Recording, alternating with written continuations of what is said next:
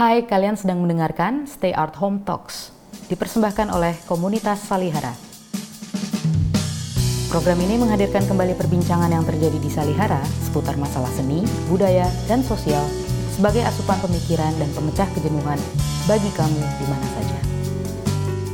Uh, tadi saya mengatakan uh, penyair sebagai pelunak avantgardisme. Saya menggunakan istilah lain untuk itu adalah normalisasi. Normalisasi terhadap avantgardisme.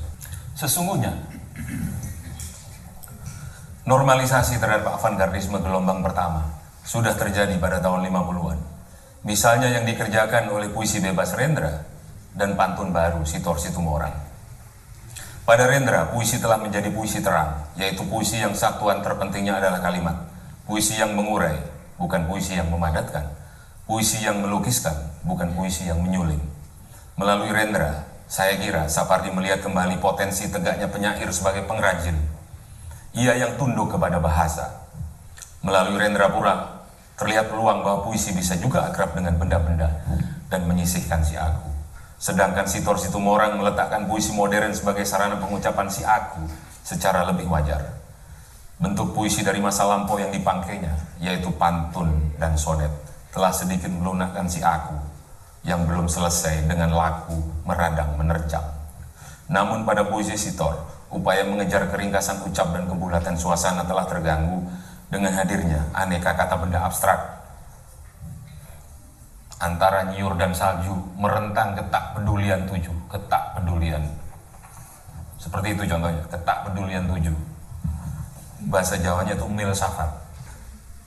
Bagi saya Safar di Jogodamono melanjutkan arus normalisasi ini seperti puisi Khairil Anwar puisi dalam dukamu abadi menjaga tegangan antara kata dan kalimat seperti Khairil, Sapardi mengambil kuatrin dan sonet untuk meredam si aku dan berarti pula bahwa si pengujar dalam sajak sudah lebih runduk, namun terbuka dalam menerima sunyi, warna dominan dalam persajakan Indonesia sejak Amir Hamzah.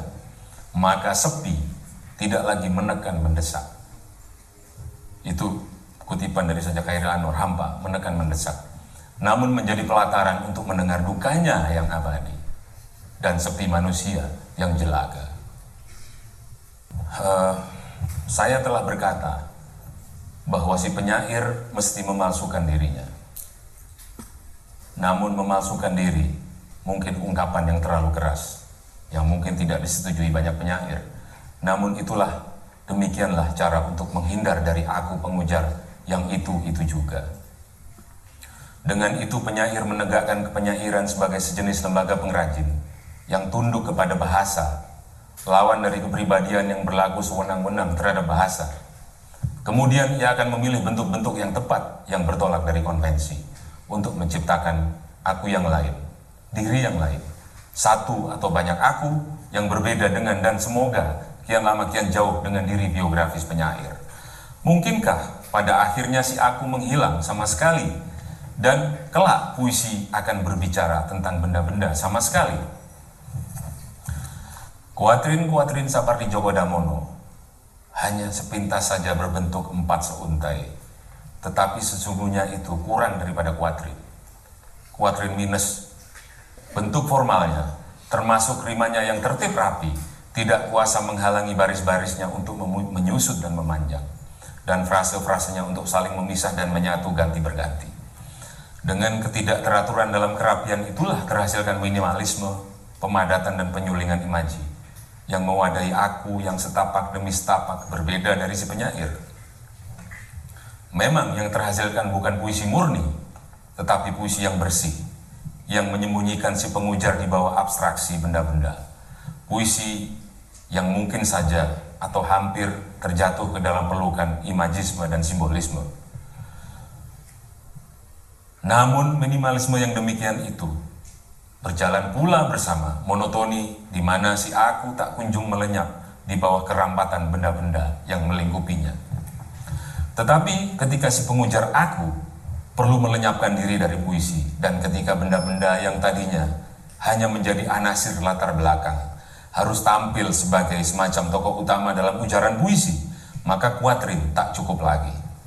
Penyair mencoba mendekatkan puisinya pada bahasa sehari-hari sambil terus mengosongkan isi dan amanat dari puisinya dan bermain dengan imaji-imaji murni. Tentu bukan berarti bahwa kata-kata bukanlah alat mengantarkan pengertian.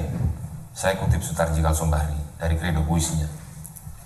Menjadi titik tengah adalah menyadari puisi sebagai wahana komunikasi. Ketika avantgardisme gelombang kedua tampaknya menggali lebih lanjut kalimat-kalimat sumbang, derau, dan puisi bebas Khairil. Tentu setelah pergaulan yang lebih baik dengan puisi dunia, Puisi Sapardi Djoko Damono sejak Mata Pisau sampai Kolam, kumpulan puisi yang terakhir yang terbit tahun lalu, memang tidak tertarik kepada pembebasan dari penjajahan gramatika, kalimat sumbang, disonansi, atau permainan bunyi nonsens, atau penghilangan tanda baca untuk efek kejut. Puisinya kembali kepada kalimat, kepada satuan ujaran yang mengelak dari frase mengambang. Ia juga tidak mengajak kita kepada permainan alusi yang menuntut pembaca untuk mengungkai kasanah bacaan yang menghantui puisi, kurang lebih menarik pembaca, pembaca kepada muslihat yang membuat pembaca puisi tiada lain ketimbang si penyair sendiri. Itu kata-kata Sapardi yang saya kutip ketika dia membicarakan Asmara Dana, kumpulan puisi Gunawan Muhammad. Makna adalah nikmat yang kita dapat di dalam dan dengan permainan. Dan makna bukanlah penyarian akan isi sajak Barangkali kita merasa mendapat makna apabila kita mampu menyingkap sedikit hukum permainan. Jadi apa itu hukum permainan? Buat saya ada dua ya. Uh, hukum permainan itu ketika kita merasakan misalnya uh, konvensi ya, bentuk di dalam puisi itu uh, memberikan ruangan untuk setiap unsur sajak itu saling bermain dan saling uh, menempuh ketegangan satu sama lain. Tetapi ketegangan itu harus diakhiri oleh bentuknya sendiri. Sehingga kita merasakan itu tadi ketidakteraturan di dalam ketertiban misalnya. Dan ini saya kira uh, pelajaran paling penting dari Khairil Anwar. Uh, kalau kita membaca misalnya senja di pelabuhan kecil, dan kalau Anda periksa unsur-unsurnya, itu Anda tidak akan bisa mengerti pantai keempat itu apa sebenarnya seduh penghabisan bisa terdekap. Aku sendiri berjalan, tiada tiada lagi aku sendiri berjalan. Jadi unsur-unsur itu seakan-akan saling terlepas ya. Baik pertama dan kedua itu seakan-akan pemandangan yang dilihat oleh orang ketiga, tapi tiba-tiba aku muncul di situ. Banyak sekali. Jadi e, misalnya saja ini kali tidak ada yang mencari cinta di antara gudang rumah tua pada cerita tiang serta temali. E, frase pada cerita itu menabrak urutan antara gudang rumah tua dan seterusnya itu. Jadi ada unsur disonansi di situ.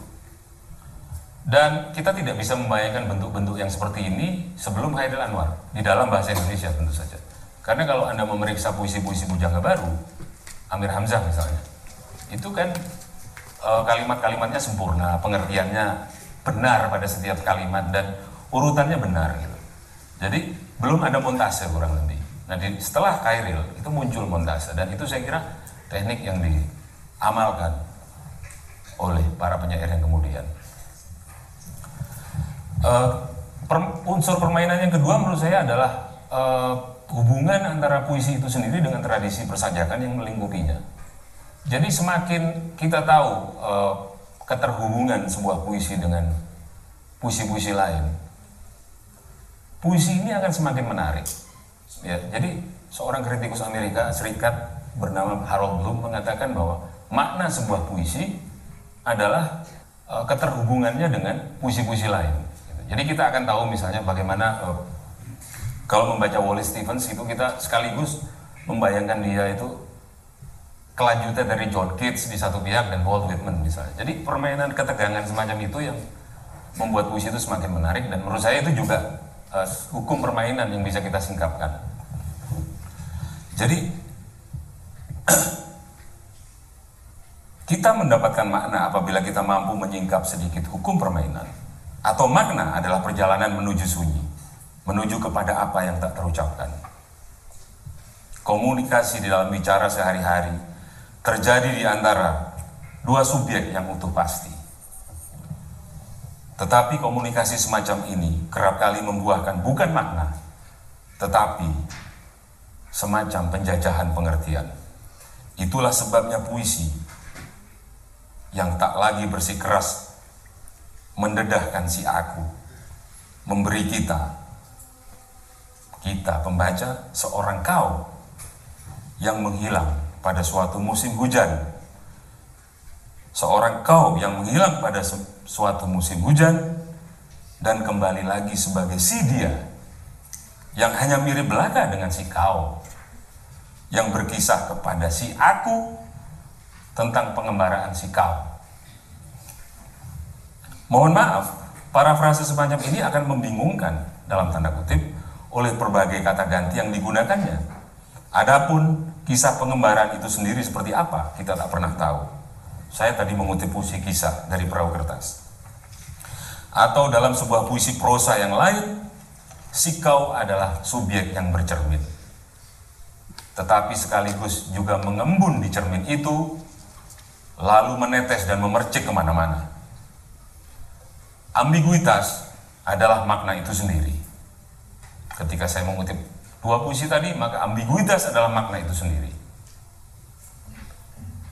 Atau ambiguitas adalah upaya kita menggapai makna. Kita bagaikan cermin yang menangkapmu sia-sia. Itu juga sebuah frase dari puisi Sapardi berjudul Cermin dari perahu kertas. Penyair hendak memurnikan kata dan bahasa, tetapi ia tidak mungkin lagi bebas dari semantik dan nahu dari kazana sastra yang melingkupinya. Itulah sebabnya ia cemburu kepada kanak-kanak yang mulutnya bisa menjelmakan kitab suci. Ya, kenapa kitab suci? Kenapa bukan dongeng? Namun dengan mencoba berlaku sebagai kanak-kanak pula, penyair bisa memperlakukan kata-kata sebagai benda-benda yang lalu dibujuknya untuk terlibat permainan, yakni permainan yang tunduk kepada nalar sastra, nalar orang dewasa. Dengan demikian makna adalah tegangan antara mata kanak-kanak dan nalar orang dewasa. Yang pertama yaitu mata kanak-kanak membawa kata menerobos batas kenyataan untuk mencapai seberang. Yang kedua, yaitu nalar orang dewasa dengan nalar senantiasa terjaga, senantiasa bertanya, masihkah bermakna bagimu segala yang ingin kukatakan? Saya mengutip lagi uh, sajak-sajak empat seuntai barusan. Atau penyair juga pembaca senantiasa ragu akan kata, akan bahasa, sehingga ia digoda masuk ke dalam telinganya sendiri agar ia bisa menafsirkan sebaik-baiknya apa pun yang dibisikkannya kepada dirinya sendiri. Saya mengutip puisi Sapardi lagi barusan. Telinga itu boleh jadi adalah puisi Sapardi Djoko Damono. Masuklah ke dalam sana jika kau hendak mendengar sunyi. Jika kau hendak menafsirkan sunyi yang ternyata lebih besar ketimbang yang kau duga. Puisi Sapardi barangkali adalah nyanyi sunyi terakhir karena barang siapa hendak mendedahkan lagi nyanyi sunyi, maka dia akan terkutuk ke dalam pengulangan. Nyanyi sunyi Sapardi Djoko Damono membuktikan bahwa modernisme tidak harus berisi disonansi, tetapi bisa juga terdengar merdu. Ia memberi kita ambiguitas yang sama artinya dengan komunikasi. Ia memadatkan lanskap dengan kalimat-kalimat yang genap.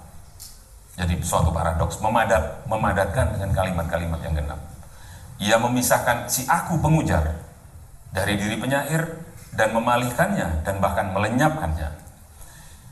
Ia membetahkan, barangkali juga menghibur kita dengan kesederhanaan, minimalisme, dan kepaduan. Apa-apa yang mungkin saja bisa disebut sebagai profound simplicity saya mengutip kata-kata teman saya, Hasif Amini. Sampai pada suatu titik tertentu kita sadar bahwa semua itu menuntut prasyarat bahwa penyair harus membatasi kosakata dan mempersempit ranah dunia rekaatnya. Ia mesti rela melukis benda-benda generik belaka. Dan saya kira juga kesederhanaan tidak bisa terlalu profound supaya ia tak menjadi rutin. Seringkali penyair harus juga membiarkan rerinci dan sesuluran tumbuh di antara kalimatnya supaya kesederhanaan dan nyanyi sunyi tidak saling melemahkan. Menjadi titik tengah adalah menghalau ekses avantgardisme, seperti sudah saya katakan, dan mengembalikan hasil eksperimentasi ke dalam gerak bahasa yang wajar. Barangkali kini kita tak akan pernah lagi memiliki avantgardisme yang ketiga, keempat, dan seterusnya, karena tugas puisi adalah berkomunikasi sejati. Dan berkomunikasi tiada lain ketimbang mencapai moderasi secara radikal. Oksimoron itu mungkin, moderasi secara radikal. Ya tapi begitu. Tiada lagi puisi eksperimental dan puisi pamflet. Tetapi puisi yang seraya mengosongkan isi dan amanat. Mengangkat pembaca ke dataran di mana penyair berdiri. Karena keduanya ternyata pengabdi bahasa belaka. Menjadi titik tengah adalah juga kembali kepada semacam semacam klasikisme, kepada bentuk-bentuk yang stabil, kepada kosakata yang sudah jadi baku dalam lagu penciptaan, dan akhirnya kepada aku atau kita yang tak lagi berpamrih untuk menggelembungkan diri atau melenyapkan diri. Kita harus mencintai hujan dan pisau misalnya, apa boleh buat? Karena kata dan benda itulah yang terlanjur mahir mendudukkan diri di pusat perhatian penyair yang juga pusat perhatian kita. Kalaupun aneka kuatrin, sonet, puisi bebas dan puisi prosa dalam kolam, buku puisi Sapardi Djoko Damono yang paling mutakhir, menggemakan lagi sajak-sajak terdahulu, kita pun mungkin menganggap itulah semacam langkah normalisasi juga untuk melunakkan bahkan menghapus residu eksperimentalisme yang masih tinggal dalam modernisme kita hari ini. Mengancang titik tengah adalah menyadari bahwa semboyan pembaruan dalam sejarah sastra kita sungguh kedaluarsa dan mubazir ketika kazanah puisi dunia adalah lautan pembaharuan yang kita belakangi. Itulah sebabnya kita melalui puisi Sapardi Djoko Damono menatap benda yang itu-itu juga. Hujan misalnya. Hujan yang tumbuh dalam berbagai variasi. Misalnya hujan yang terpisah dari titok jam. Hujan yang turun setelah rahang langit dan rahang bunga terekam menerkam. Hujan yang mengenakan mantel, sepatu panjang, payung, dan berdiri di samping tiang listrik. Hujan yang meludah di ujung gang dan menghardik angin yang memungut angin dari kabel telepon. Hujan yang mengenal baik pohon jalan dan selokan. Hujan bulan Juni yang lebih tabah dari siapa pun. Dan hujan yang tak sempat menerima isyarat awan. Puisi memang hendak menjaring hujan, mengurung hujan, dan membebaskan hujan tetapi hujan hanya tersirap dan mungkin menjelma air mata kita sendiri. Menatap titik tengah kita, dan saya bertanya, dari tadi saya menggunakan kita, tidakkah saya berlebihan berlebihan menggunakan kata ganti kita? Kita ingin mencintai puisi dengan sederhana. Namun boleh jadi cinta yang sederhana tak cukup lagi karena di hadapan kita terbentang puisi-puisi dari aneka tanah air yang mengundang sedikit amarah, sedikit cemburu, dan sedikit muslihat. Memandang tamasa yang luas itu, seraya masih bermain bertarung dengan bahasa kita sendiri.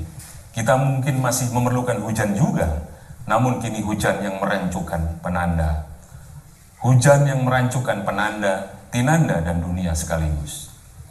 Bukan hanya titik-titik hujan yang jatuh tegak lurus, tetapi garis-garis hujan yang berlari menyamping, mengalir, sehingga kita pun bisa juga memanggilnya sebagai arus sungai, kebahagiaan, atau ekor bintang misalnya. Atau jika kita berpura-pura jadi kanak-kanak, kita mengharapkan juga hujan yang bermula dari satu titik saja dan membesar ke segala arah dengan laju yang sama, sehingga bolehlah ia kita panggil bola hujan bola yang terus membesar dan mengejar kita ke toko mainan, rumah jagal, atau museum puisi. Ketika kita merasa dewasa, kita ingin juga melihat hujan yang rajin menganggukkan kepala, seperti pegawai di kantor wali kota. Namun ia bukan hujan yang mudah ditaklukkan, karena ia menyaru belaka bersama bahasa yang selalu menerobos batas-batasnya sendiri. Dalam hujan Sapardi Djoko Damono, kita menatap titik tengah yang memberi rasa aman ketika kita sebenarnya lebih suka menempuh mara bahaya ke tepi-tepi sana. Terima kasih.